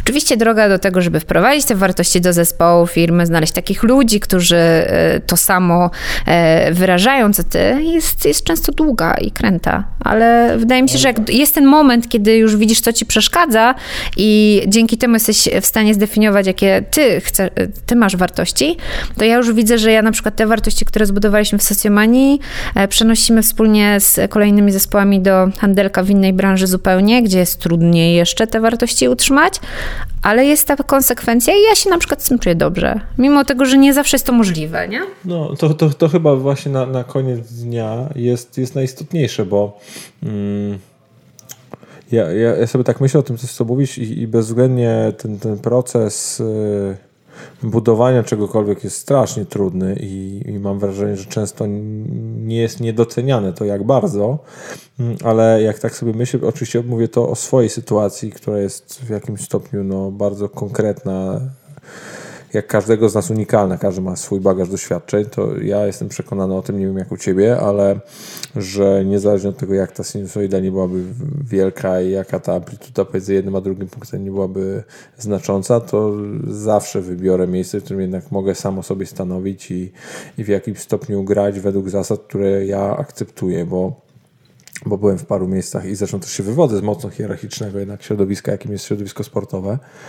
Mm, to, to, to, to, to jakby bardzo szybko zaczynasz widzieć, co ci pasuje, a co ci nie pasuje i na pewnym etapie już naprawdę masz dość. I, i wydaje mi się, że nie wiem jak, jak, jak to u ciebie, ale naprawdę na pewnym etapie zaczynasz podejmować decyzję, czy, czy naprawdę to jest to, z czym chcesz się użerać, czy są ludzie, z którymi chcesz faktycznie codziennie spędzać czas. To się do, o to rozbija. Nie? To jest w ogóle chyba jedna z najfajniejszych rzeczy w życiu, jak dochodzisz do tego momentu i na to trzeba sobie zapracować i, i nie wiem, czy zarobić, czy cokolwiek, jak to powiedzieć, ale oczywiście nie, mm, nie zawsze pewnie się udaje trzymać e, stuprocentowo tych wartości, nie? E, nie, oczywiście. Ale uśmiechałam się też, bo tutaj moglibyśmy znowu pogadać o sporcie, bo ja też miałam ze sportem dużo do czynienia i ja, ja się zgadzam z tym, że sport daje dużo um, takiego też otwierają ci oczy na pewne sprawy, nie?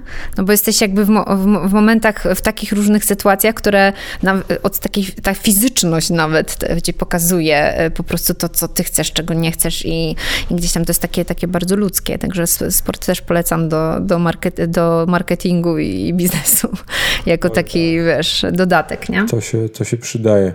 Z czym chcesz mnie, Kasiu, zostawić? Z czym chcecie zostawić? E, bardzo dużo dzisiaj poruszyliśmy takich tematów, które, ale wszystkich, które gdzieś tam e, dotyczą tego, co, co ja robię na, na co dzień. E, na pewno, na pewno słowo kwestionowanie jako słowo kluczowe bym dzisiaj pewnie jakbym miała opisywać, o czym rozmawialiśmy, to, to, to jest dosyć, dosyć istotne i właśnie to takie krytyczne myślenie.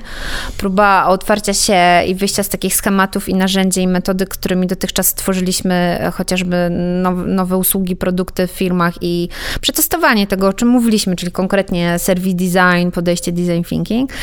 E, wartości, e, takie nawet konkretnie twarde ustalenie w firmie. My mamy nawet dokument system operacyjny, który jest kodeksem wartości.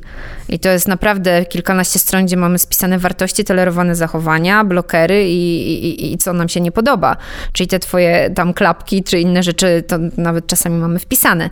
Także to wydaje mi się, że na pewnym etapie budowania zespołu czy, czy, czy firmy, e, to jest, to jest pewien fundament. Ja się kiedyś z niego śmiałam. Jak się mówiło o wizji, w misji, wartościach, to tak sobie się, kurczę, to jest takie miękkie, nie? Ale to, to nie, to jeśli to stworzysz jakby w takiej jakby już e, formie jakiegoś takiego kodeksu, czy, czy kontraktu wręcz e, pomiędzy sobą, to jest coś, co też polecam, bo, bo to, nas, to nas buduje. Wiesz co, powiedziałeś e, spójności no. na początku. I, wydaje, spójność, kwestia, tak. Wiesz, Konsekwencja bo... i spójność, te no. dwa słowa, które chciałam w ogóle gdzieś tam przemycałam w różnych momentach, jak dzisiaj sobie rozmawialiśmy, nie? Bo tak jakby ja, jak mam taką autorefleksję, co spowodowało, że jestem gdzie jestem, a jeszcze daleko, dużo rzeczy do, jest do poprawy, mhm. no to na pewno właśnie ta, ta spójność i, i, i konsekwencja. Mimo tego, że no, bywa, bywa trudno to utrzymać. Kasiu, bardzo Ci dziękuję. To, to jak zwykle w moim wykonaniu było to przeróżna, górzysta podróż, jeżeli chodzi od jednego wątku do drugiego, ale ja na pewno coś z tego wyciągnąłem. Mam nadzieję, że Ty również. Oczywiście. Dzięki wielkie Dzięki. za Twój czas i że Ci się udało przyjechać. Dziękuję bardzo. A wy pamiętajcie o, o wpadaniu na kanał, sprawdzaniu innych, e, innych odcinków, e, słuchania podcastów w wersji audio na Spotify, Apple Podcast i wszelkiego rodzaju innych rzeczach. E, no i wpadajcie na, na stronę Socjomanii, zobaczcie czym, czym Kasia się na co dzień zajmuje, bo naprawdę jest tego sporo. Dzięki.